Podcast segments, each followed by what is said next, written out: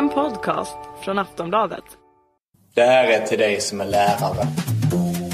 Du är lärare och det är skillnad. Så snacka gärna skit om mig och andra politiker. Och inte om varandra.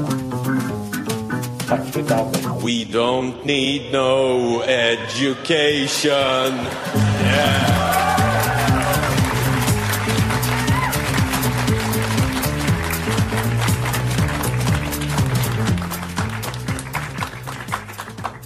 Välkomna gott folk till Flumskolan, världens mest folkbildande podcast från Aftonbladet Kultur och Galago. Vår turné fortsätter och idag är vi på Kulturpolitiska veckan på självaste Smålands nation i Lund. Innan vi kör igång ska vi återvända till en kär gammal vän, nämligen Gävlemoderaten och tidigare riksdagsledamoten Lars Bäckman. Där har ni honom. Den här gången har vi låtit hans Twitter referera hockeymatchen Sverige-Ryssland. Går det att kombinera idrott och politik? Kan någon, då kan Lars Bäckman. Innan match konstaterar Bäckman att Sverige mot Ryssland i kvartsfinal i hockey-VM. Hela svenska folket hejar på Sverige utom J Sjöstedt och Oli Lars som hejar på? Frågetecken. Hashtag twittpuck.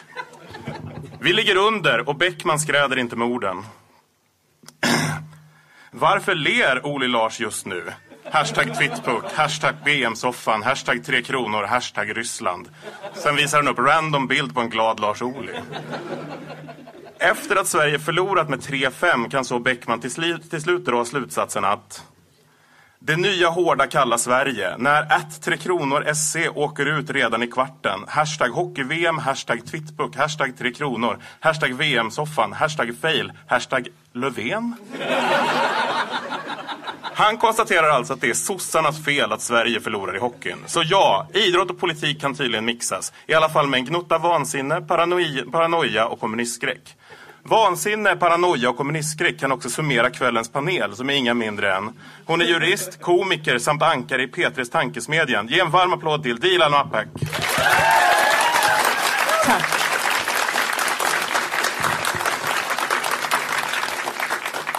Vår nästa gäst är doktor i sociologi, författare och arbetskritiker. Välkomna Roland Paulsen.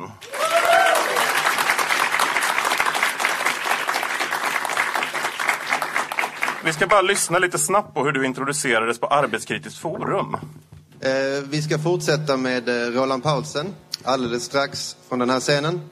Tänkte bara återigen eh, upprepa det rent praktiska att eh, frågor emottages tacksamt, lägges i eh, spannar på bar. Eventet streamas, det vill säga direktsänds på abfplay.se. Det innebär med andra ord att det filmas i lokalen. Nu är detta poängterat. I övrigt eh, så tror jag att de flesta är med på eh, noterna här. Och det, eh, streamingen kan man även se ute i kaféet. Är det alldeles för trångt och syrefattigt här så finns det mer plats och kaffe till försäljning där ute. För att vara arbetskritiker låter det som ni jobbar rätt mycket, Roland. Nej, det var ett jättefint forum det där. Det var mycket pengar inblandade så att eh, ja, de var liksom tvungna att organisera det hela. Hon är i alla fall komiker, satiriker och har precis dragit igång egna satirprogrammet Lätt Hänt Extra på SVT-plattformen Edit. Jag ger er Moa Lundqvist.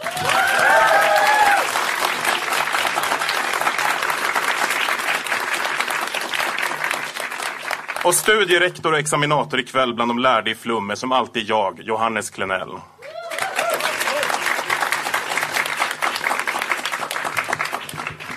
Boken vi ska läsa idag kan först och främst beskrivas som lång.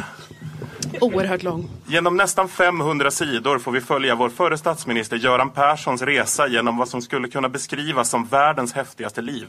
Ja, om någon annan än Göran Persson fått berätta om det. Vi går direkt på första citatet.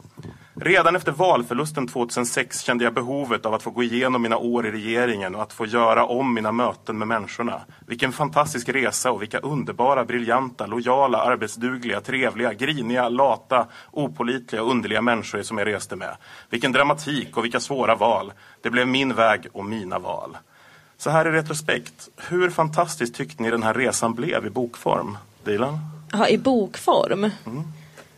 Inte jättefantastisk. Den är lite för lång. Men eh, om man läser lite mellan raderna jävlar vilken resa. Det måste jag ändå ge många honom. år. Otroligt många år. Kanske Ja. för många år. För många men, år. Eh, häftiga år. Vad säger du Roland?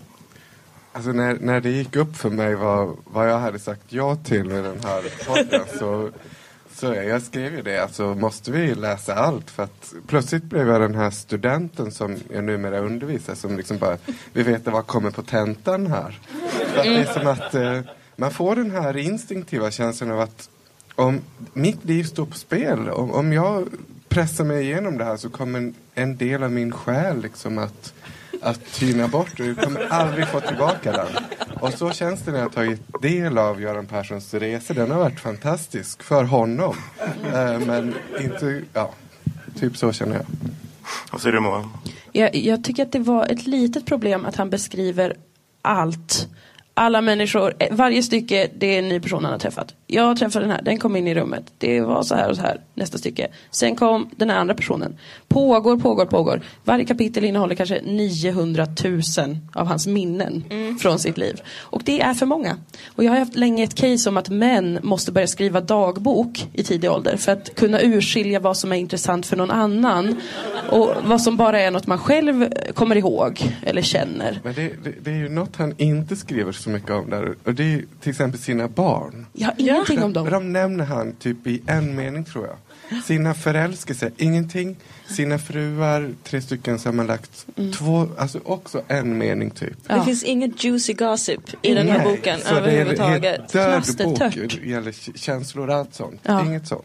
Jag tänkte faktiskt på det att, att, att han bytte fru utan att nämna det. Ja. Att, Ja. att först hette hon Gunilla och sen helt plötsligt Annika. Men jag tror att han inte märkte det själv. Alltså jag Nej, tror att det är mycket allt det som har hänt i Göran Perssons liv som, hans, me- som han minns är liksom relaterat till politiken. Allt Mm. annat, det är som att han har gått runt, han har haft lite fritid ibland och då har han kanske råkat ligga med någon. Mm. Råkat gifta sig, råkat få barn. Han har inte förstått det, men det har Mm. hänt. Det är för att han har memorerat alla de mötena med olika mm, sekreter, statssekreterare. Ja. Det är det som liksom ligger lagrat i hans huvud. Och sen, eh, det är ju en, en mening där om när Anitra Sten kom in i rummet. Mm. Där, där liksom man får, får känna lite att där, där var det något som hände. Ja, där förstår man och- ju. oh, Han minns ju inte det för att eh, han kanske var mer kär i henne, tror jag. Utan just för att hon var statssekreterare. Ja, precis. Att hon då är kopplad till politiken och då värd att minnas Ja. på något sätt. Kanske och i förlängningen leva med överhuvudtaget. Vi går till stycket Mamma, kyrkan och Myresjöhuset. Skolan påverkade mig. Den tog tydlig ställning mot papisterna som katoliker ofta benämndes på den tiden. Något farligare än jesuiter fanns inte. Min negativa attityd satt djupt och långt upp i medelåldern kunde jag känna obehag inför det katolska. Både seder och tankesätt. Så småningom har jag dock låtit mitt förnuft ta överhanden. Jag ser numera avspänt och nyfiket också på den katolska delen av kristenheten. Hur oväntat tyckte ni det var att Persson valt just katoliker när han skulle välja var han skulle placera sin rasism? Ja, alla har vi vår rasism att placera någonstans. Det är ju helt riktigt. Jag tyckte det var jättekul att läsa om det. Det hade jag velat läsa mer om. om, om det, men det är också för att jag tycker kristna är jätteexotiska. Eh, för att kristendomen är för mig så mainstream på något sätt. Och när folk faktiskt är aktiva, fromma kristna tycker jag att det är coolt.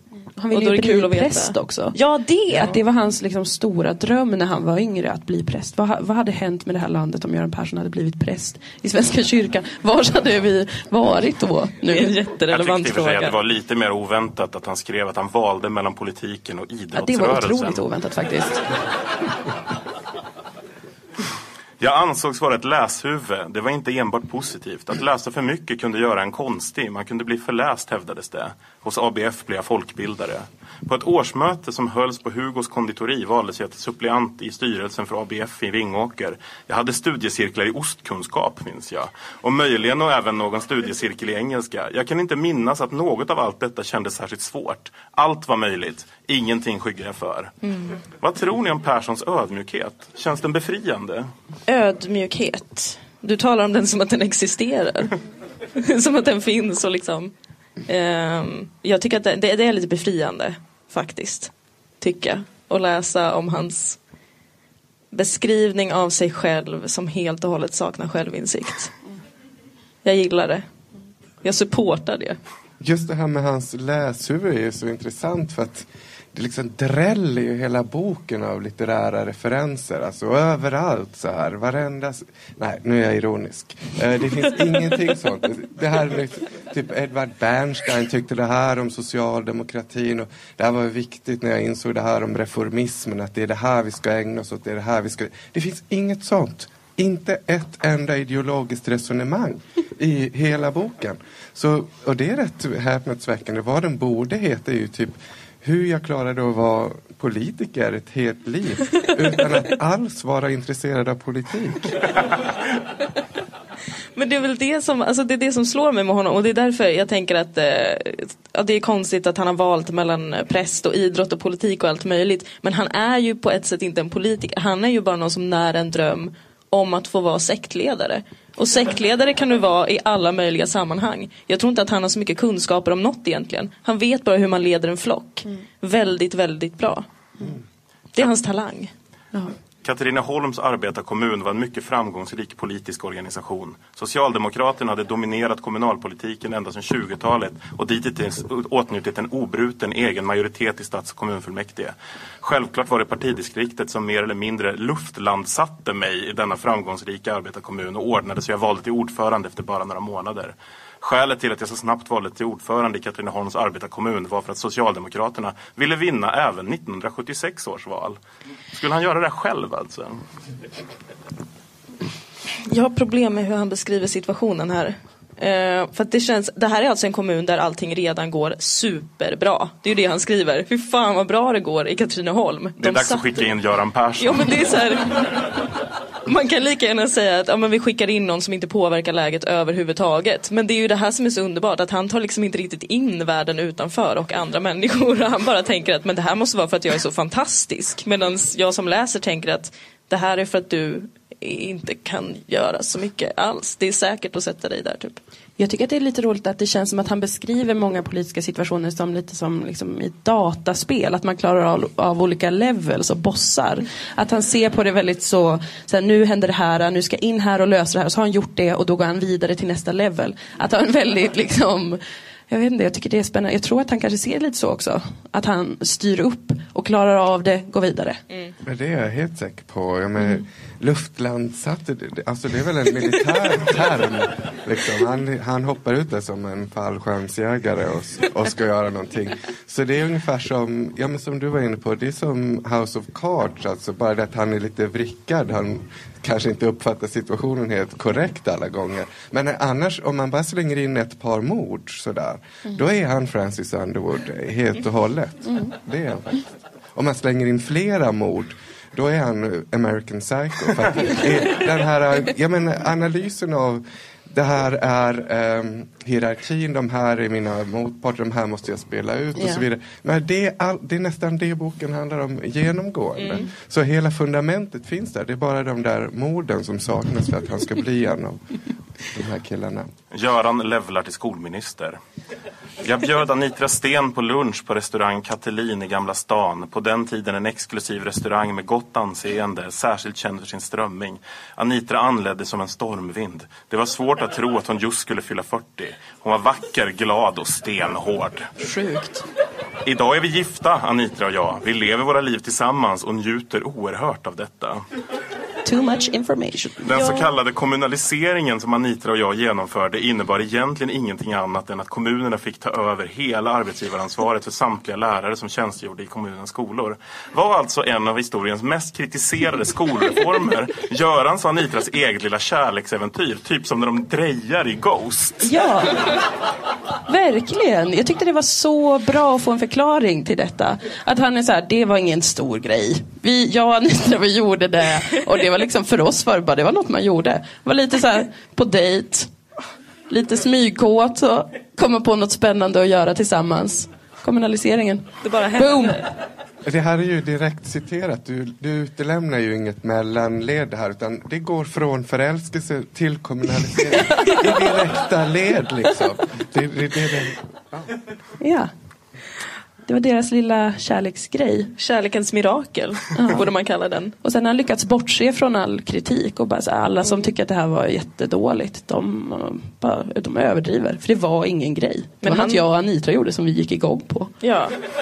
Han minns What's inget annat från den tiden. Jag tror inte heller det. Anitra åt strömming. Ja, Lite så. att hon var sexigt. 40 men ändå lite sexig. Ja. Han var så mindblown av Men det är det. där man undrar om han försökte minnas vilken hårfärg och ögonfärg. Nej, fan, det, vi kör kommunaliseringen. Lika bra.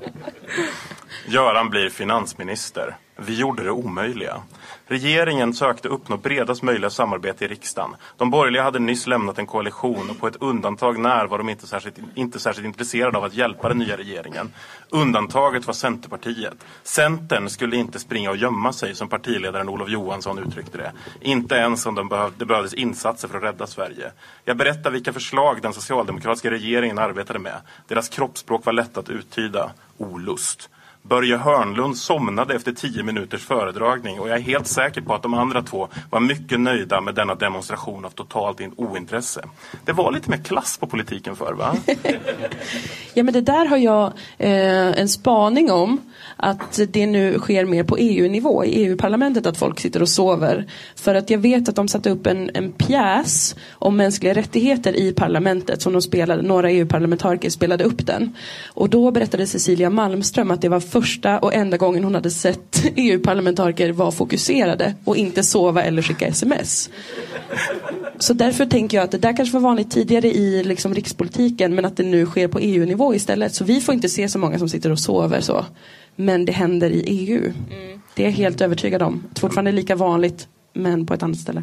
Men jag tänker så här, skulle liksom... Tjejer som driver en massa rutföretag ute i Sverige för tjänstefolk. Ta tillbaka det! Skulle den här killen somna under en förhandling med Ali Esbati? Går igång på sig själva så mycket nu för tiden. Ja, alltså det är det som, som jag tycker är den tragiska baksidan av, av eh, att politiken har förnyats lite så. Att det inte finns lika mycket gubbar kvar i politiken. För jag tycker gubbar har ett härligt sätt på det viset. Att gillar de inte någonting, då somnar de.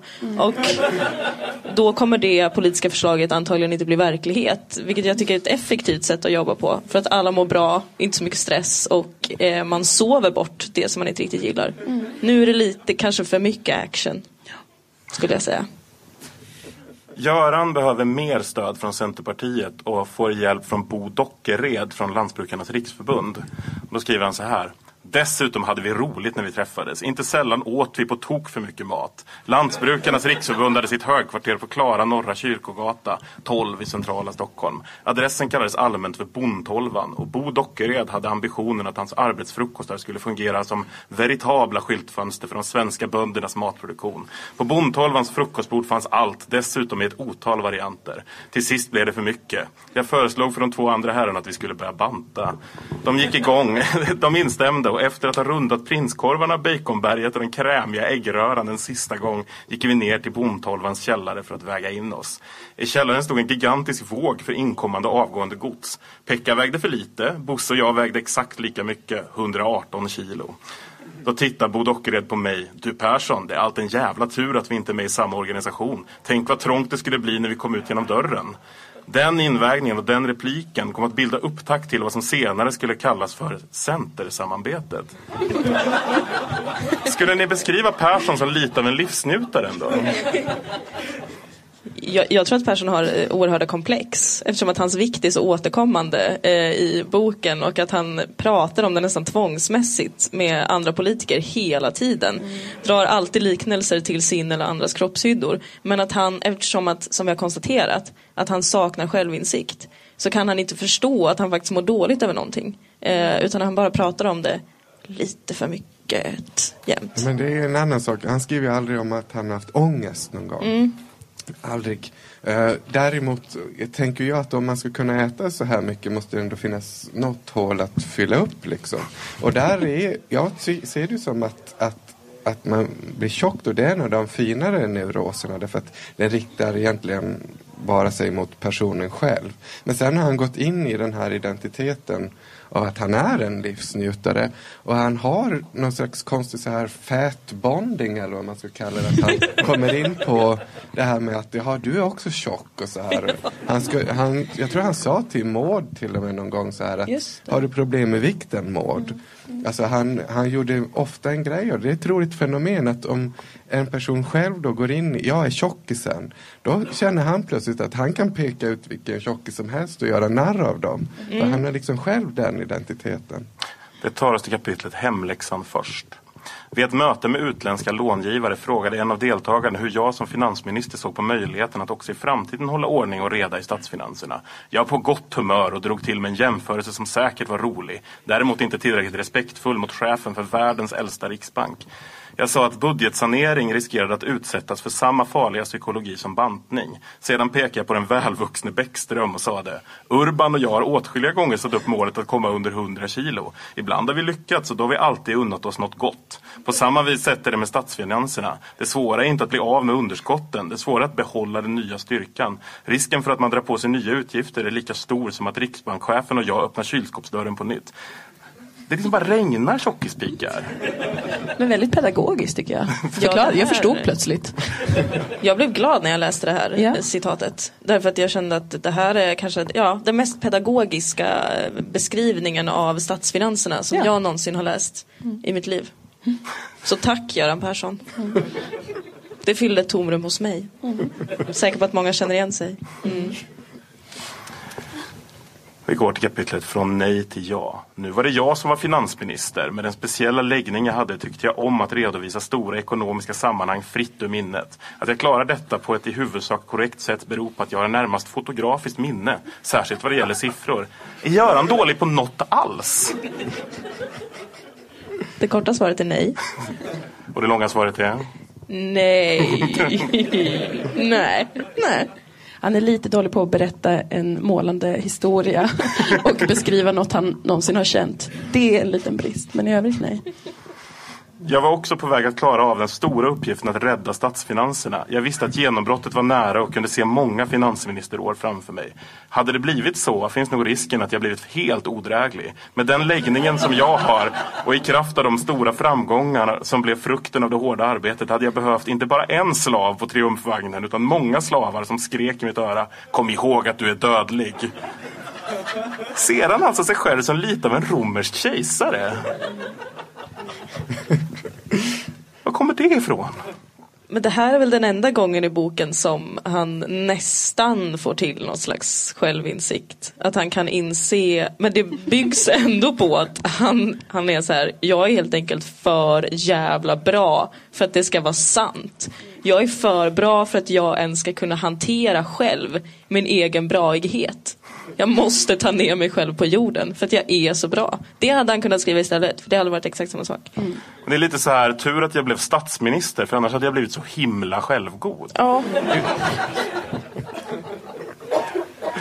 Ett svårt rollbyte. Att det inte är helt lätt att genomföra övergången från finansminister till statsminister hänger delvis ihop med partiets traditionella uppdelning mellan rollen som finansminister, som har dragit åt höger, och rollen som statsminister, som har dragit åt vänster. För mig personligen innebar rollbytet alltså att jag helt enligt den socialdemokratiska traditionen tvingades gå från höger till vänster. Från pragmatism till ideologi, från vardagens grå arbetsuppgifter till visionernas lockande värld. Det här tyckte jag ändå var rätt intressant. Tror ni att Anders Borg och Fredrik Reinfeldt såg på uppdelning på samma sätt? Eller är det här mer av en sossegrej rakt av? Vad säger du Roland? Jag tror de är mer intresserade av ideologi än vad han är faktiskt. För att här tydliggörs det på något vis ändå att, att han är inte så intresserad. Alltså, han upplevde ju det där som en pålaga. Fasen, nu måste jag intressera mig för ideologi. Och det gjorde han ju inte i alla fall. Utan det blev ju bara sanering och sådär i all evighet. Ehm, och, och det, jag tror att det är rätt viktigt. Man kan läsa den här boken som en förklaring till vad som hände med socialdemokratin efter ja, jag skulle säga efter Ingvar Carlsson. Därför med Göran Perssons generation så får vi sossar plötsligt som eh, ja, går direkt från ministerposter till näringslivet. Så vi har Åsbrink då som går till Goldman Sachs. Vi har Östros som går till eh, vd-posten på, för Bankföreningen. Alltså, och Göran Persson själv går ju till slut till att jobba för näringslivet som lobbyist. Och jag tror det förklaras av det här att de är så vana vid den grå vardagen då inom citationstecken som, ba, som egentligen bara är en, en teknisk eh, tillvaro där man ska administrera olika saker. Eh, men, men där det inte finns någon idé riktigt om vilken riktning politiken ska eller hur samhället ska omvälvas till någonting nytt. Alltså det, det är han ju helt ointresserad av.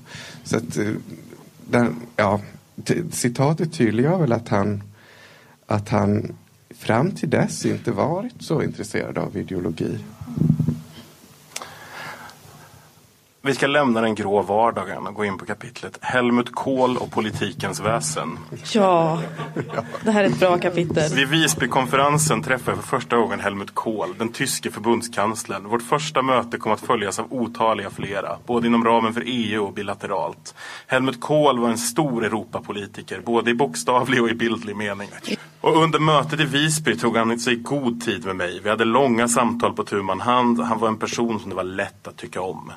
Inför mitt första besök i Tyskland som statsminister i juli 1996 frågade Helmut om jag hade några speciella önskemål vad gällde maten. Så sätter han sig och så börjar han liksom på att äta smör. Han äter kopiöst med smör. Först eh, en assiett. Och jag kan tänka mig att det är en tio sådana här smörklickar, 10 gram styck som ligger där konsumera snabbt. Sen tar han in en till och också den går åt. Sen liksom går han ner på något sätt i varv. Konstigt att gå ner i varv när man ätit fem kilo smör.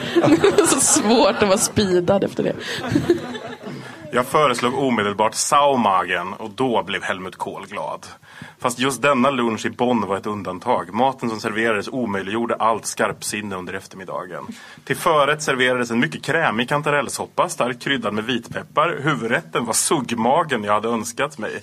Den var skuren i centimetertjocka skivor, stekt i smör och serverades med så kallad gräddpuré, ett mycket välsmakande potatismos. Till dessert bjöds äppelkaka och vaniljsås som genomgående dryck. Tvärs igenom hela måltiden serverades tyskt vitt vin. Det här låter säkert jättegott, men varför får vi veta det här? Det här är en middag han har ätit i säkert tio år innan han skriver det. Jag minns inte ens vad jag åt igår i sån här detalj. Alltså, det är helt fascinerande. Och återigen med tanke på vad han utelämnar. Att vi inte ens vet om hans barn är flickor eller pojkar. Men det är så roligt, han pratar om sitt så fotografiska sifferminne. Men hans fotografiska minne för mat är ju helt obegripligt. Men förlåt, är suggmage vad jag tror att det är? Alltså en, en grissuggas mage. Mm. Ville bara kolla det. Fylld med, han beskriver ju det, för det, jag tycker det, det fattas en grej här och det är ju att eh, han upptäckte den här maträtten genom att vara Helmut Kohls fru som hade skrivit någon slags matlagningsbok som Göran Persson får av Helmut Kohl, läser lite i, fastnar för suggmage.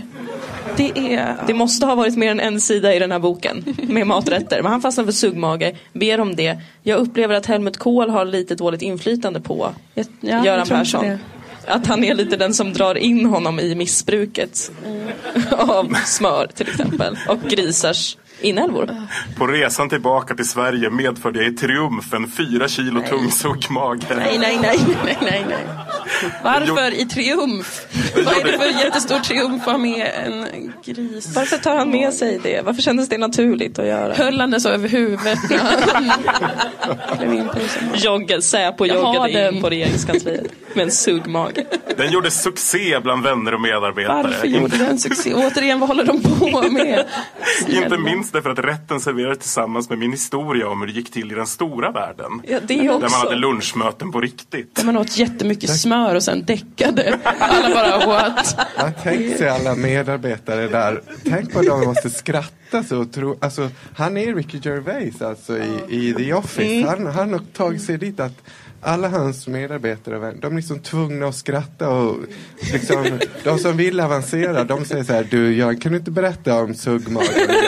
Hur var det det gick till nu när du fick det? Alltså, det är så man gör tror jag, Ja. i Socialdemokraterna. Ja, för ingen normalfungerande människa skulle väl bli jätteglad och exalterad när någon kommer med, med fyra kilo suggmage och, och ska berätta en berättelse om när den åt smör. Det är ju inte, det är inte något som jag själv i alla fall skulle bli så jättepeppad över.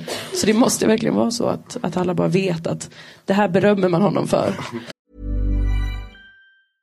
Ryan Reynolds här från Mint Mobile. Med priset på nästan allt som går upp under inflationen, trodde vi att vi skulle bring våra priser down. So to help us, we brought in a reverse auctioneer, which is apparently a thing. Mint Mobile unlimited premium wireless. Ready to get 30, 30, bit to get 30, bit to get 20, 20, 20, bit to get 20, 20, bit to get 15, 15, 15, 15 just 15 bucks a month. So, Give it a try at mintmobile.com slash switch. $45 upfront for three months plus taxes and fees. Promo rate for new customers for limited time. Unlimited more than 40 gigabytes per month. Slows. Full terms at mintmobile.com. För då går det kanske lite bättre. Något svårare än politik finns inte. Finare finns inte heller. Politik är den högsta formen av intellektuell verksamhet anser jag. Bevis på Persson, Perssons tes hittar vi i det här stycket. Olof Johansson hade i många år varit djupt engagerad i energipolitiken. Han var illa sedd i industrin, inte särskilt populär bland Moderaterna och inte heller i den del av socialdemokratin som hade anknytning till de gamla teknikerna. Han kallades ibland för Tok-Olle. Benämningen var kränkande och kränkningen var givetvis helt avsiktlig. Skulle ni kalla det här för ett bra exempel på den högsta formen av intellektuell verksamhet? Nej, jag tycker man kunde hitta någon synonym för tok som hade varit lite mer avancerad. Tok-Olle är ju inte, det är inte så att man är så här, åh, vad, finns det dubbla meningar i det? Vad menas egentligen med Tok-Olle? Så att nej, jag tycker inte att det är den, den vackraste formen som finns på jorden. Politik. Han är också lite kränk- kränkande mot läsarens intellekt. Eftersom att han må- verkligen måste förklara att Tok-Olle var kränkande och att kränkningen var avsiktlig. Det var skönt att han skrev det för att annars hade man kunnat tolka det som att de kanske var kära i varandra. Man vet aldrig. Vi regerar vidare trots valkatastrofen. Valresultatet 1998 var en katastrof för Socialdemokraterna. Vi tappade 8,8 procent och fick 36,6 procent av rösterna. För att få majoritet i riksdagen efter valet måste Socialdemokraterna därför ha stöd av två andra partier. Efter valet tog jag min tillflykt till Norra kyrkogården i Stockholm. Där tyckte jag mig finna frid och ro i den ohyggligt pressade situation som jag befann mig i. Det bör ha varit på måndagen efter valet, kanske tisdagen. Jag kände det som att kyrkogården erbjöd frisk luft och inspiration. Vilket väl säger någonting om min person, min, mitt personliga stämningsläge. Jag lärde mig då det att förlora ett val. Efteråt kommer en period då man blir väldigt ensam. Telefonerna slutar ringa. Exakt så var det för mig efter valet 1998.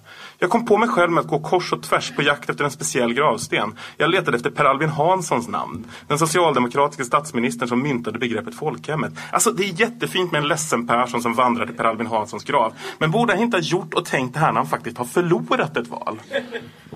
Ja, det känns också som något han har sett på en film att man gör när man blir ledsen. Att man så börjar strosa omkring och är uppgiven så här, ingen ringer. Går till någon grav och sitter och gråter. Fast i filmer brukar det kanske vara att man känner någon som har dött då. Som man liksom haft en personlig relation till. Men han bara, det får bli Per Albin Hansson. Jag har sett att det är så det går till. Man är riktigt Men det ledsen. känns också som att i en film så skulle det vara, det skulle omfatta en period som kanske är veckor eller månader av sorg och press och ångest. Coldplay-medley. Ja, någonting här säger mig också eftersom att de faktiskt inte förlorade valet. Det är ju en förlust för Göran eftersom att eh, om man liksom inte avancerar så förlorar man på något sätt i hans värld. Men här känns det som att det rör sig om kanske 30 minuter i hans liv. Ja. Då han kände sig lite orolig. Går till kyrkogården, gör en jättegrej av det. Men sen ska han ju fortsätta vara statsminister. Eh, hans perspektiv, jag ifrågasätter dem. Lämna det där. Det är, ju- han, men det är väl det att han, han har ju gått med i det här partiet. Han valde liksom mellan fotboll och socialdemokrat. Så tänkte han, ja men jag tar det största partiet vi har. Och så gör jag karriär här liksom. Men det som gör tror jag att socialdemokrater säkert lätt går hamnar i den där situationen och går till Per Albin Hanssons grav och är ledsna på samma sätt. De imiterar säkert Göran efter att ha läst boken. Det har blivit en Eh, grej. Ja, ja, det tror jag absolut. Det är att de kommer alltid att känna att det är motvind. De kommer alltid känna en relativ förlust. Därför de har de är fortfarande 30 procents parti. Liksom. De kommer, det är inte det här över 50 procent längre. Så det, de kommer alltid vara ledsna tror jag, lite grann. eh, alternativt sova så här på något möte i protest. eller något. Mm. Riktiga emos. Nya statsråd. Den viktigaste regeringsuppgiften under den kommande mandatperioden var att halvera arbetslösheten. Så till statsråd i det nya näringsdepartementet valde jag två mycket kontroversiella och kompetenta politiker. Den ena var Björn Rosengren och den andra var Mona Sahlin. Björn Rosengren lämnade sitt ordförandeskap i TCO i samband med en skandal som hängde ihop med ett besök på en porrklubb. Alltså, hur borde inte kontroversiell betonas lite mer än kompetent här? Eller var porrklubbsbesöket mycket kompetent utfört? Man brukar vara kontroversiell för sina idéer och vilken vågad tanke. Men det är mer så här. Han, han gick på porrklubbar. Kontroversiell politiker. Eller ja, vad Mona Sahlin vet jag inte riktigt vad det skulle Toblerone-affären. Liksom, då är man kontroversiell. Ja, annan begreppsapparat. Men skulle ni beskriva Göran Persson som en förlåtande person? Nej. Jag tror att han kan förlåta en men att varje gång man lämnar rummet så tittar han lite så argt efter en. Så att man känner att det bränner till i nacken. Men man är så här, han har ju förlåtit mig. Det kan inte vara någon grej. Jag inbillar mig liksom att han är sur fortfarande. Men han är det för resten av livet. Det tror jag. Men att han absolut förlåter en. Rosengren hade kallat Norge för den sista Sovjetstaten och känslorna svallade förstås. Björn var trött, riktigt ledsen var han och tabben tilläts växa till orim orimliga proportioner. Jag gjorde bedömningen att så farligt var det väl ändå inte. För att muntra upp Björn Rosengren sa jag, du skulle ha sagt något om norrmännens dåliga fotbollslandslag också. Sedan skrattade jag gott. Skadan var redan skedd och det lönade sig inte att gråta. Alltså han är ett sånt as va? Ja, men det känns som att han eh, drivs lika mycket som han drivs av att eh, slutföra saker, levla. Så drivs han också av lite ett förakt mot andra människor. Det känns som att han inte riktigt blir, han blir inte så upprörd för att han vet att alla människor är alltid lite, lite sämre än vad han är. Och därför kommer de göra sådana saker. Och att han kommer alltid klara sig. Så han kan skratta åt det. Ja, han sitter liksom så pass tryggt hela tiden. Det är som en sån släkting som berättar något jättepinsamt som man har gjort när man var liten. Och sen skrattar alla jättemycket. Man själv är ledsen, man är tvungen att skratta med lite fastän man skäms. Och tycker att det var lite så dumt att det var någon som var tvungen att berätta det inför alla. En sån människa är Göran Persson. Som sitter och berättar sådana anekdoter och skrattar och har det jättekul. För att ingen kan liksom komma med någonting likvärdigt mot honom. För då, då blir man utfryst och förföljd av Göran. Socialdemokratins styrka. Kalle, Karl Peter Thorvaldsson, var väl den sista SSU-ordföranden som lyckades hålla ihop SSU och se till att de olika falangerna drog åt samma håll. Han gjorde detta med en oslagbar kombination av intuition, politisk talang och ett stort varmt hjärta. Men när han avgick i juni 1995 följde en nedgångsperiod. Konflikten inom SSU blev synlig. Någon slags höger ställdes mot någon slags vänster. Plötsligt blev det accepterat att den som hade majoriteten i ungdomsförbundet bestämde över minoriteten. Det räknades röster och det myglades på ett rent frånstötande sätt. Vann majoriteten med en röst övervikt tog majoriteten överallt. Jag tänkte lite på det här. Beskriver inte Persson bara parlamentarisk demokrati här?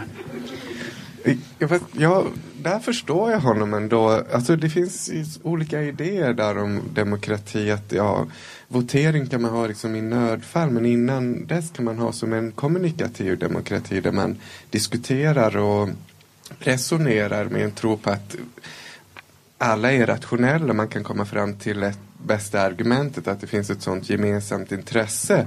Och jag tycker det är en rätt vacker demokrati i det.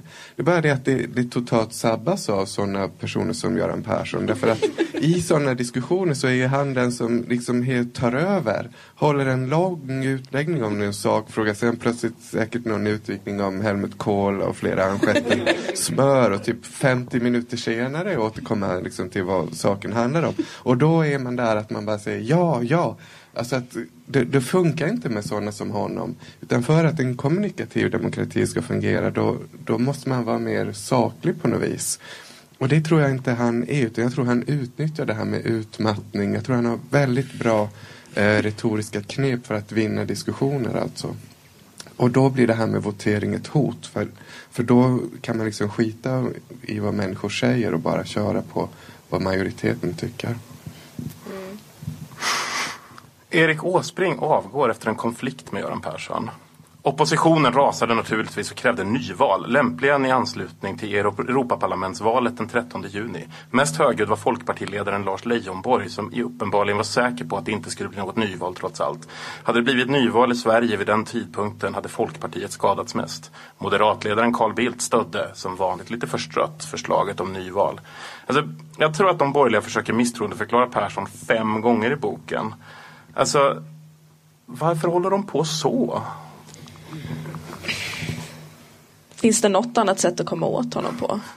Går det? Går, det går väl inte? Det, går, det känns som att det är omöjligt att vinna över honom i en debatt. Ehm, Ja, han, han skriver ju någon gång där när han, fick, han drogs inför KU och att det var lite så här, han fnyser lite åt det men det var ändå så här, ja men det var jag tvungen att göra. Och KU är ju precis som att gå och säga till fröken så. Den här har gjort det här äh, och så får man sitta där och bli utfrågad, ingenting händer någonsin. I så här, allra värsta fall så säger någon så, det var lite dumt att du gjorde det.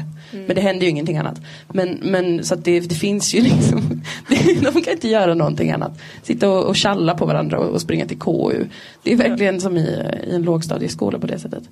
Men han verkar inte bry sig, bry sig om det heller riktigt tycker jag. De misstroendeförklaringarna och, och anmälningar till KU. Det spelar liksom ingen som helst roll för honom. Persson mår bra och han kommer till kapitlet Välfärden växer igen. Skördetid väntade. Det fanns utrymme för både skattesänkningar och reformer framöver. Människor som hade drabbats hårt under saneringsåren skulle få se att den socialdemokratiska regeringen höll fast vid en rättvis fördelningspolitik och under de närmast följande åren blev den ekonomiska utvecklingen mycket, verkligen mycket god. Samma dag som jag fyllde 50 år stod jag i riksdagens talarstol. Det var ett sätt att, fi- det var ett sätt att fira sin högtidsdag som ingen annan, vare sig förr eller senare, har gjort. Jag hade säkert, kunnat få debatten flyttad om jag bett om det. Det hade jag aldrig en tanke på. En bättre födelsedagspresent än att för regeringens räkning få föra debatt mot oppositionen kunde jag inte få. Det är rätt imponerande att han kan få en datumkrock och framstå som ett privilegium. Men det är för att han väldigt mycket i, i, i, som i själen är som en odräglig ungdomsförbundskille. Det finns tjejer som är så också. Men många killar som är bara så Åh, det är så kul med politik. Och man bara, nej! Det är inte så Det ska kul! inte vara så kul, då är det något fel. Det är så roligt att ha kongress nu. Åh, nej men gud, måste vi, måste vi sitta upp hela natten? Ska vi bara sova två timmar i natt? Måste vi förlänga den här kongressen med en dag? Gud vad roligt! Jag ska få, han har säkert fått barn under tiden som han har gjort grejer och bara varit så. Men det här är så kul att få stå i den här talarstolen. Det är odrägligt, men det är också Göran. Mm. Han älskar ju att prata. Alltså, Det bästa delen i boken där han bjuder på sig själv det är när han förklarar hur han kan vara så en god talare. det, han har då en speciell metod där han övar. Eh, varje gång han åker hem eller mellan Katrineholm och eh, regeringskansliet tror jag det är. Så håller han alltså tal då för sig själv i bilen. Eh, och han upprepar, han lägger liksom, justerar, där skulle jag betonat mer och sådär. Han har en teori om att det måste kännas i kroppen. Man kan inte bara ha talen i huvudet utan det måste liksom, så jag, jag tror han älskar att prata. Och att ha folk som lyssnar. Jag tror att det är den bästa födelsedagspresenten man kan ge honom. Eh, en sån debatt. Jag minns den 19 september 1997 när Moderaternas ledare Lars Tobisson citerade en amerikansk tidning. Det stod, det stod, där stod att det var ungefär lika troligt att Sverige skulle nå 4% arbetslöshet som att böckling skulle bli hela världens favoritmat. Människolivet är rikt och komplicerat. Det låter sig inte pressas in i fyrkantiga modeller. Därför får ekonomerna ofta fel. De fångar inte människors drömmar. Allt i livet går inte att reducera till en fråga om tillgång och efterfrågan. Hur som helst, jag träffade helt rätt den gången. Jag kunde komma tillbaka till riksdagen och jaga Lars Tobisson med frågan Vad ska du göra för att kränga böckling ute i världen? Jag beskrev hur jag såg Tobisson framför mig i den ena storstaden efter den andra. Hans uppgift var att lära fransmän, italienare, ryssar och amerikanare äta böckling. Det skulle bli hela världens favoritmat nu när Persson och sossarna hade pressat ner arbetslösheten till 4% Han glömmer aldrig en oförrätt va? Nej. Jag tror att det här är hans version av erotiska fantasier. Ja, det tror jag. Alltså, det, det är ju det här som han är glad för, att de nådde 4 arbetslöshet. Det här är ju den bästa konsekvensen av det. Han har inte beskrivit något om någon typ barnfamilj där båda föräldrar får jobb och de kan åka till Thailand och köpa platt-tv och sådär. Det, det är han jätteointresserad av. Han är glad för att han, han, den här personen måste äta upp sin bucklingsgrej han sa. Liksom. Det, det är det han eh, går igång på tror jag. Men det här, han har ju alltså inte en målsättning med full sysselsättning. Skulle du säga att det ens är möjligt som målsättning? Ja, det är klart det är. Man, man kan ju liksom dra ner skatter och lösa upp kollektivavtal och allt sånt så att det blir jättebilligt att anställa arbetskraft. Ehm, det var ju inte riktigt det Göran Persson gick ut med men han förde ju en åtstramningspolitik. Ehm, Sen vet jag inte om det var det som ledde till att, att uh, arbetslösheten sjönk så pass mycket utan det, var, det hade ju med hela världsekonomin att göra. Så sen åkte den ju upp, upp igen också.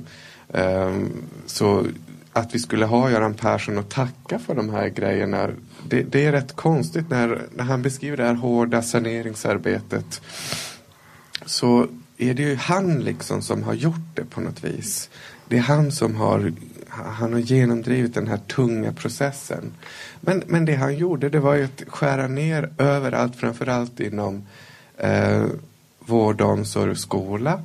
Eh, och samtidigt tillåta otroligt snabbt växande klassklyftor. Så under Göran Perssons tid vid makten så ökar klassklyftorna nästan rekordartat i Sverige. Och det är också en sån liten sak man lätt glömmer här, vad, vad han trots allt tillät medan han lekte Francis Underwood i, i parlamentet. Att dansa med Doris. Christian Luuk hade haft en förfrågan liggandes hos min pressenhet i flera år och svaret hade alltid varit nej. Jag ville inte sitta och prata lustigheter och leka arga leken samtidigt som vi tvingades att spara i välfärden och arbetslösheten var hög. Jag skulle inte ha kunnat försvara mitt framträdande hos Luuk inför de som vred och vände på varje krona och som ängslades över att staten skulle kräva ännu mer.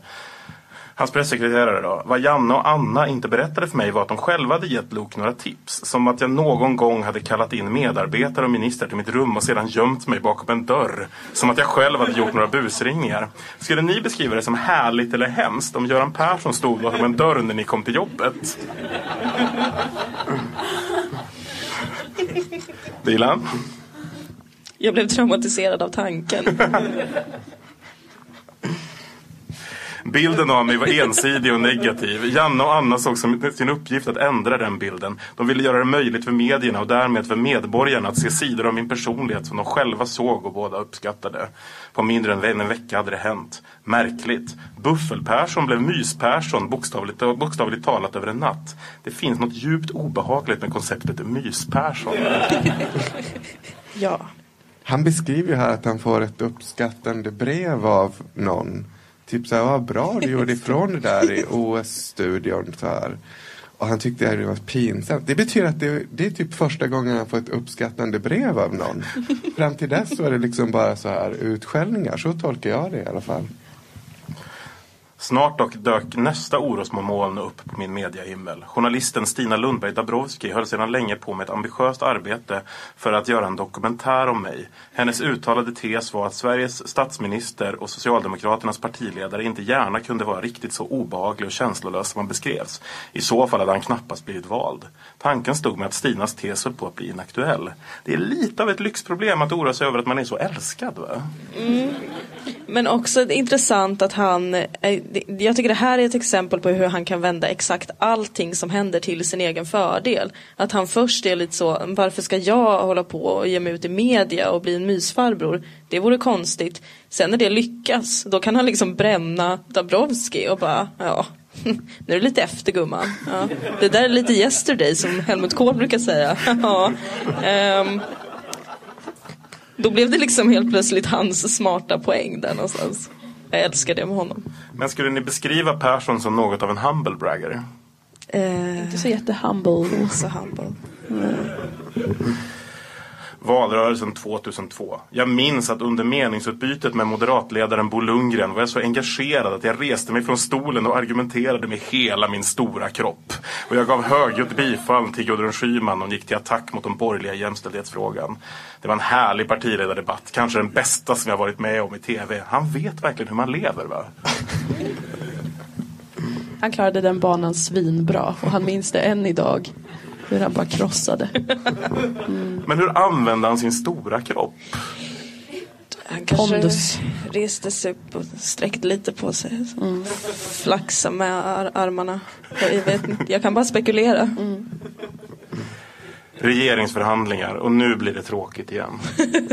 Metoden för att förankra budgeten i förväg hos Miljöpartiet och Vänsterpartiet blev inkörsport till ett växande och fördjupat samarbete. Och vi började förhandla fram allt mer propositioner innan de fördelas, förelades riksdagen. Helt naturligt började vänsterpartister och miljöpartister säga att de nu ville sitta i regeringen. Jag sa nej. Miljöpartiets språkrör Maria Wetterstrand deklarerade så sent som dagen före valet vid ett möte i Göteborg att Miljöpartiet inte kunde tänka sig att samarbeta med moderater eller kristdemokrater. Samma hållning som Birger Schlaug hade haft i fyra år tidigare. Döm därför om min förvåning när partiet redan dagen efter valet öppnade för förhandlingar med Lars Leijonborg och Folkpartiet. Jag blev ursinnig. Våra väljare hade stödröstat för att hjälpa in Miljöpartiet i riksdagen. Jag hade själv legitimerat deras parti genom ett nära samarbete. Vi hade suttit på samma sida i valdebatterna och nu tackade de genom att svika. Alltså hela den här grejen med Miljöpartiet, det verkar vara ett av Perssons stora orosmoln i livet. Va? Det förföljer honom hela tiden. Jag tror att han tror att det är Miljöpartiet som är hans barn. Att han inte förstår att han har mänskliga barn men han upplever Miljöpartiet som sin kanske lite bråkiga tonårsungdom som han hoppas ska få liksom en fantastisk framtid och göra allt det som han inte kunde göra. För att han återkommer lite i boken till miljöpolitiken och att han verkligen brinner för miljön men det är ingenting som man kan göra i Socialdemokraterna. Det blir liksom, det måste alltid prioriteras bort. Och så har man Miljöpartiet och så ser han på den och säger mitt barn. Mufasa och Simba liksom. Det är den son han berättar om. Ja, exakt. Eh, och kanske inte riktigt har förstått att det på riktigt inte är hans son. Men det är bara mina spekulationer. Miljöpartiets plan kollapsar då Centern inte vill jobba med dem. Ett stort lugn infann sig när jag väl fattat mitt beslut. Jag använde hela den lediga dagen till att höra med riksdagen vilka lägenheter som var tillgängliga. Nu kunde jag iskallt iaktta hur mycket miljöpartisterna egentligen tålde. Alltså vad är det här? Är det typ Game of Thrones vi befinner oss i?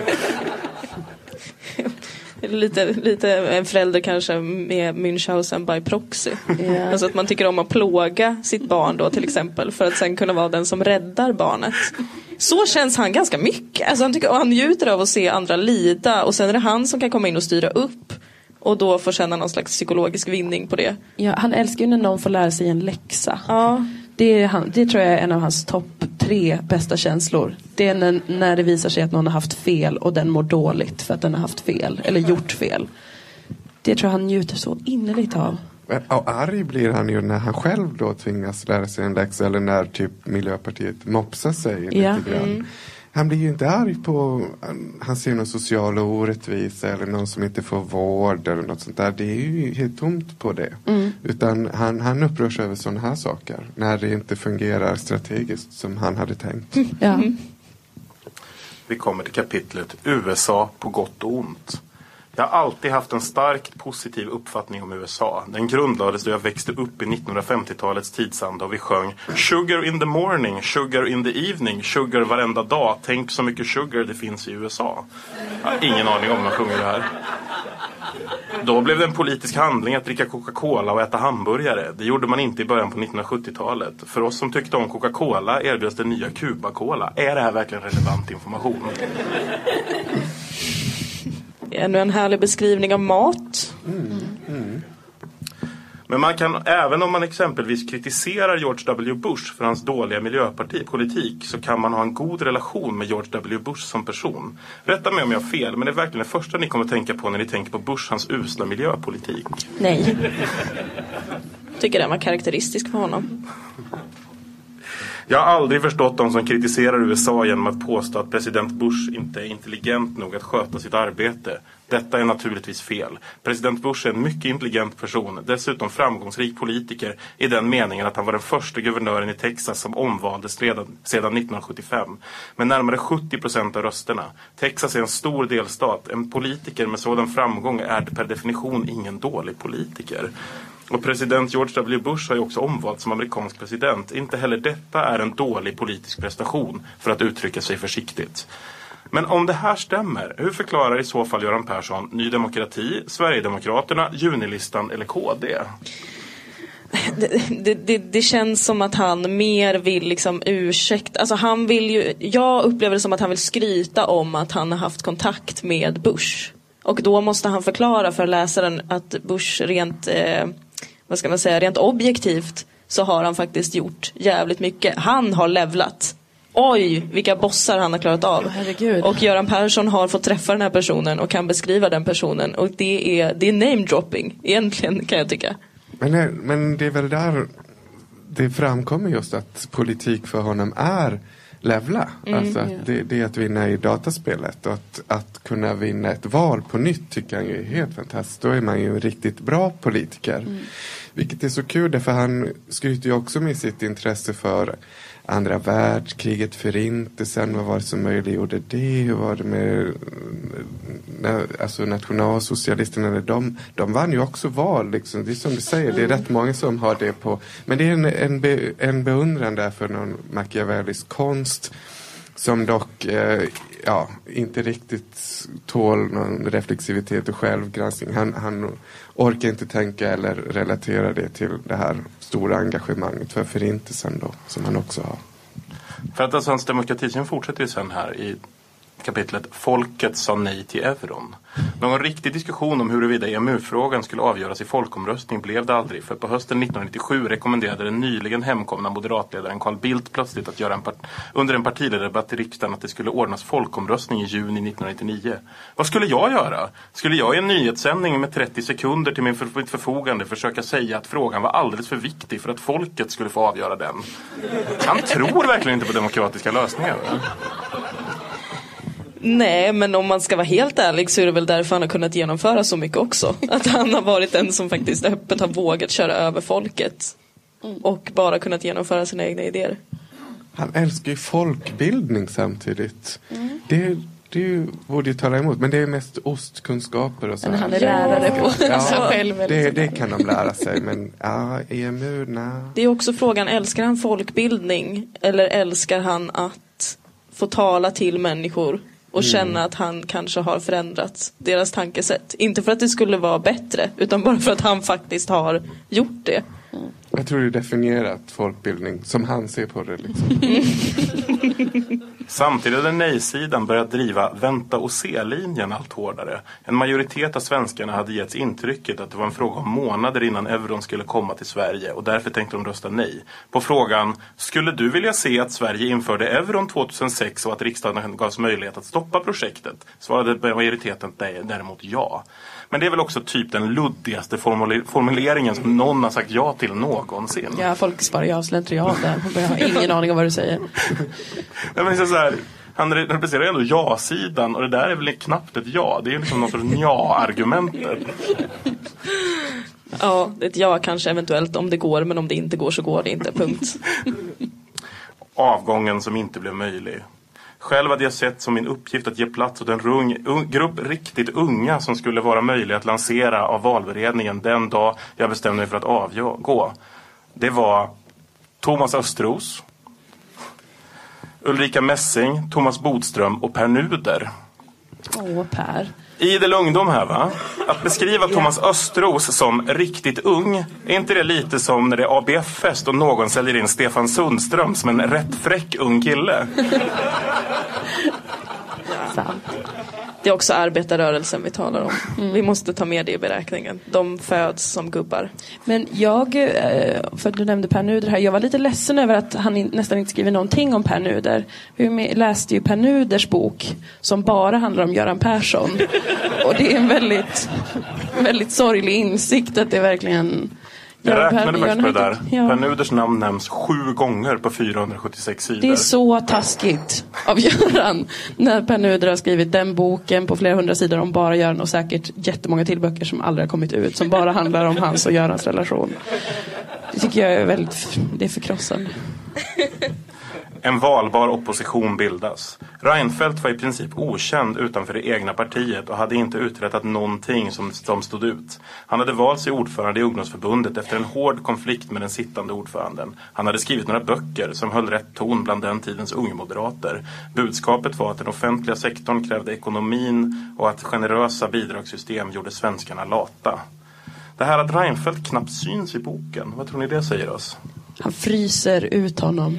Alltså det är, ju hans, det är också en effektiv metod. För vissa människor finns inte i hans, han vet att de finns men så länge han inte nämner dem så finns de inte riktigt. Jag tror att han försöker göra det med, med Reinfeldt ganska mycket. Att han skulle vara en sån oerhörd petitess i sammanhanget i svensk politik. Fredrik Reinfeldt är ingenting i svensk politik. Enligt Göran. Jag säger så här. Vi tycker att Det finns inget personligt hos mannen. Bo Lundgren var ju en person som, som, som jag tyckte inte om hans politik, men jag tyckte om honom för han var levande. Det gick att ta på honom. Eh, Jag förstod hur han tänkte och jag förstod hur han kände. Eh, Men Fredrik Reinfeldt, det, det, är, det är noll i det avseendet. Han är ingenting. Det är verkligen så fruktansvärt taskigt. Carl Bildt var väl, han är så jävla dålig tror jag, sa Ja. Carl Bildt. Det är ju bra i sammanhanget. Ja, det är en komplimang att få höra det från Göran Persson för Ja. då finns man åtminstone i hans värld. På Vänsterpartiets kongress i februari 2004 valdes den tidigare partisekreteraren Lars Ohly till ny ordförande. Vilket innebar att Vänsterpartiet återigen fick en partiledare som kallade sig för kommunist. Det inbjöd till en hård granskning av partiets förflutna och en sådan kom under hösten 2004. När Lars Ohly till slut gick med på att sluta kalla sig kommunist var det för sent. Hur fick de Lars Ohly att sluta kalla sig kommunist? Det där är så konstigt. Jag förstår inte riktigt. Och vad, vad ska det spela för roll? Skadan är ju redan skedd. Ja, han, han beskriver ju inte vad problemet är. Nej. Men eh, han har ju så pass känsla tror jag för medieklimatet och så här diskursiva svallvågor att, att han, ja, han bara utgår från att det är ett problem. Och, och that's it på något vis. Framförallt hade dock högern hemma hos Maud Olofsson i Högfors sommaren 2004 enats om att samarbeta. Starten skedde med en, för, med en för svensk kampanjverksamhet helt ny typ av styrt effektsökeri. Partiledarna utlovade att de skulle bada tunna tillsammans. Vilket gjorde att hela upplägget blev spektakulärt för medierna. Göran Hägglund förklarar senare att det inte blev något gemensamt bad eftersom det inte skulle göra sig så bra på bild. Uttalandet del, röjde delvis självinsikt. Men framförallt ringade det in vad mötet i Högfors handlade om. Att göra sig bra på bild. Sett till hans Instagram-succéer, tror ni Persson skulle ha satsat på att sälja in Oli i en badtunna istället? Jag tror han var avundsjuk på kuppen såklart. Men om det är något han är intresserad av så är det ju just det, hur man gör sig bra på bild. Det är ju det allt handlar om. Och att hålla koll på interna partistrukturen och sådär så att inte någon gör uppror. Jag tycker att det, det där exemplet med att de skulle bada badtunna. Jag har pratat med så många personer, inklusive mig själv. Jag har inte pratat med mig själv. Men jag har tänkt på detta. Att jag tror att jag har sett den bilden på dem i badtunnan. Alltså jag har varit helt övertygad om att den bilden finns på partiledarna för Alliansen i en badtunna. Så det är så fruktansvärt effektivt att det ens var på, på tapeten att de skulle bada badtunna har gjort att jag har en inre bild som jag är helt säker på att jag har sett i en tidning. Och jättemånga som jag har pratat med har också sagt så, men den bilden finns väl, man kan väl googla fram den. Nej, de gjorde den aldrig. Men det var ju ett, en oerhörd succé. Att de ens pratade om det gjorde ju att folk blev liksom alldeles till sig. Så jag kan tänka mig att Göran var väldigt, väldigt avis på att han inte kom på det först kanske. Maud Olofsson berättar faktiskt om det i sin självbiografi Jag är den jag är. Ja, just det, den är också väldigt bra. Att eh, hon... Eh, att många har berättat just den, om den upplevelsen att de har sett den här bilden. Ja, den inte det är existerar. nästan liksom något övernaturligt med den där jävla bilden. Och vad säger det om er? Vi tänker mycket. Ja. Vi kommer till kapitlet Min sista regeringsombildning. Innan jag går vidare i ministerlistan vill jag berätta om en minnesvärd händelse. Ett fåtal gånger under min statsministertid har jag sökt rätten att förrätta vigslar och på försommaren 2006 vigde jag Ibrahim och Anna Baylan. Ibrahim Baylans djupt troende syrianska föräldrar som sedan 25 år är bosatta, bosatta i Botkyrka söder om Stockholm fick se sin son gifta sig borgerligt. Vigselförrättare var Ibrahims vän, den svenska statsministern. Föräldrarna hade box, både bokstavligt och bildligt gjort en lång resa från sitt hus med stampat jordgolv i Turkiet till landshövdingens resident i norra Europa. Den talangfulla och intelligente Ibrahim hade själv också gjort en lång resa från byn där han föddes till sin svenska ministerpost. Tänk om föräldrarna Baylan hade kunnat ana sin sons framtid den gången de satte honom i klosterskola för att studera Bibeln på Jesus eget språk. Outgrundliga är och Herrens vägnar. Alltså varför får vi veta det här? Det här var en jättestor stund i Göran Perssons liv utanför politiken och här skulle man återigen kunna tänka att men då kanske han skulle ha berättat om ett bröllop eller när han fick sitt eh, tredje eller femtonde barn. Ingen vet hur många barn han har, allra minst Göran Persson själv. Men han väljer att berätta om en gång då han ah, utgår från att han skapade enorm beundran. Även utanför plenisalen. och det är vackert. Halvtidsutvärdering. Utan att binda mig öppnar jag istället för ett fördjupat samarbete med Miljöpartiet inklusive möjligheter till framtida regeringsmedverkan. Därmed att jag lyckats behålla miljöpartisterna i samarbetet men tvingats uttrycka mig så att jag istället tryckte ut vänsterpartisterna. De blev rasande. En sådan seger till och jag skulle vara förlorad. Jag minns att jag gick i skogarna kring Torp. Det var ett fantastiskt höstväder, svamp i massor, mättade färger, ingen värk i höften. Allt hade varit perfekt om inte mobilen hade ringt ideligen. Och jag hade tvingats att, söka, att, söka, att söka, försöka övertyga vänsterpartister om att jag inte hade menat så illa som det hade låtit. Jag minns att jag stod och tittade på en stilig älgtjur på nära håll. Jag stod blickstilla, en mild höstvind blåste rakt emot mig och jag var mitt i ett av dessa välsignade ögonblick när jag njöt av fullt ut av upplevelsen i min egen skog. Då ringde mobilen och iväg klev älgen. Hallå, det är Ingrid Burman, sa en av Vänsterpartiets förhandlare i mitt öra. Jag var trött på politik. Är det inte så att Persson blir väldigt mycket mer poetisk i språket när han beskriver negativa känslor? Ja, jag, tycker att jag tror att han försöker säga något mer här med den här älgtjuren. Att det här var något slags eh, ett vägskäl i hans liv. För han ser denna skogens konung då står och har någon slags eh, stark upplevelse med den. Och sen ringer det. Och sen tillbaka till det gamla dit han inte vill igen. Så det är något väldigt, det är något väldigt vackert men det är ganska specifikt den här händelsen med älgtjuren. Att han lite önskar att han kanske var den älgtjuren. Som kunde kliva iväg. Så. Ja, gå sin egen väg Ja. genom skogen. Lämna jävla vänsterpartiet bakom sig och bara Aldrig behöva prata med Ingrid igen. iväg. Ingen mobil som ringer. Man kan ju också ha mobilen på ljudlös. Skulle jag vilja ett förslag till att göra. Något att bära med sig. Vi kommer till kapitlet Från yttre till inre hot. Vi är på väg mot slutet här. I vårt reformarbete vad gäller brottsbekämpning hade vi nästan inget samarbete alls med Vänsterpartiet och Miljöpartiet. Båda partierna var motståndare till alla förslag om att ge polisen större befogenheter och en anledning är förmodligen att många av medlemmarna har varit engagerade i olika aktionsgrupper. De präglas av sina erfarenheter, de har deltagit i aktioner, de har använt civil olydnad och har sett polisen som sina motståndare. Vi socialdemokrater har helt andra erfarenheter.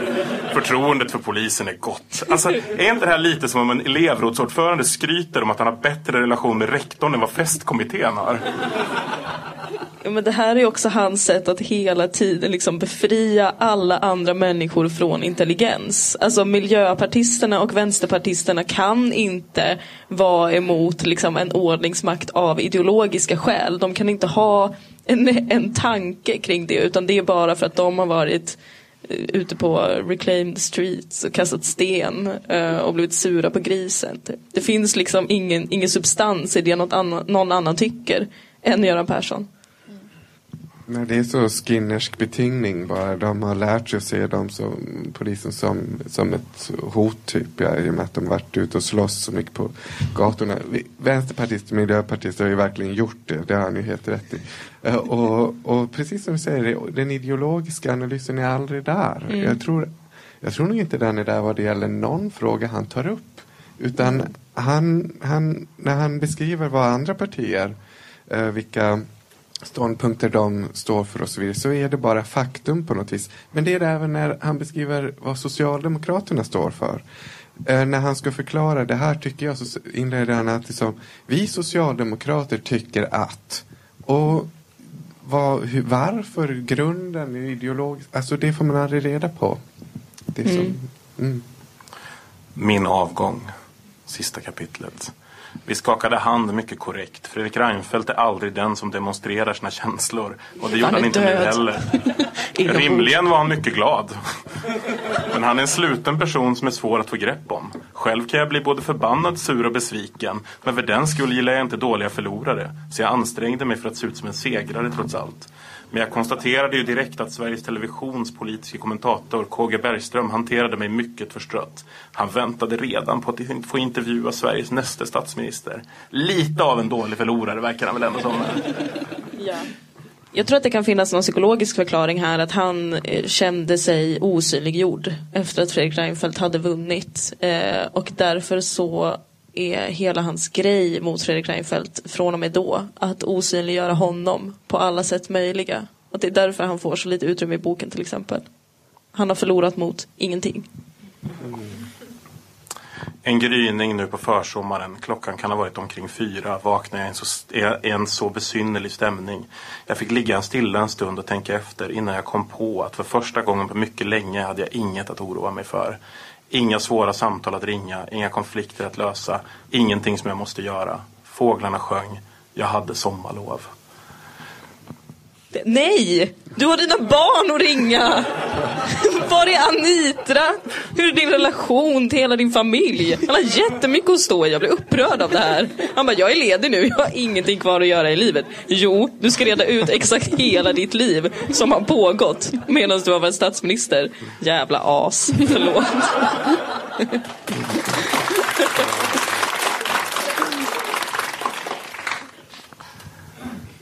Vem ska läsa den här boken? Hans barn. Ja, jag, Ja. de, de ska läsa den och kräva förskott på arvet. Det här är hur du har ignorerat oss. Liksom. Du, you owe us på något vis.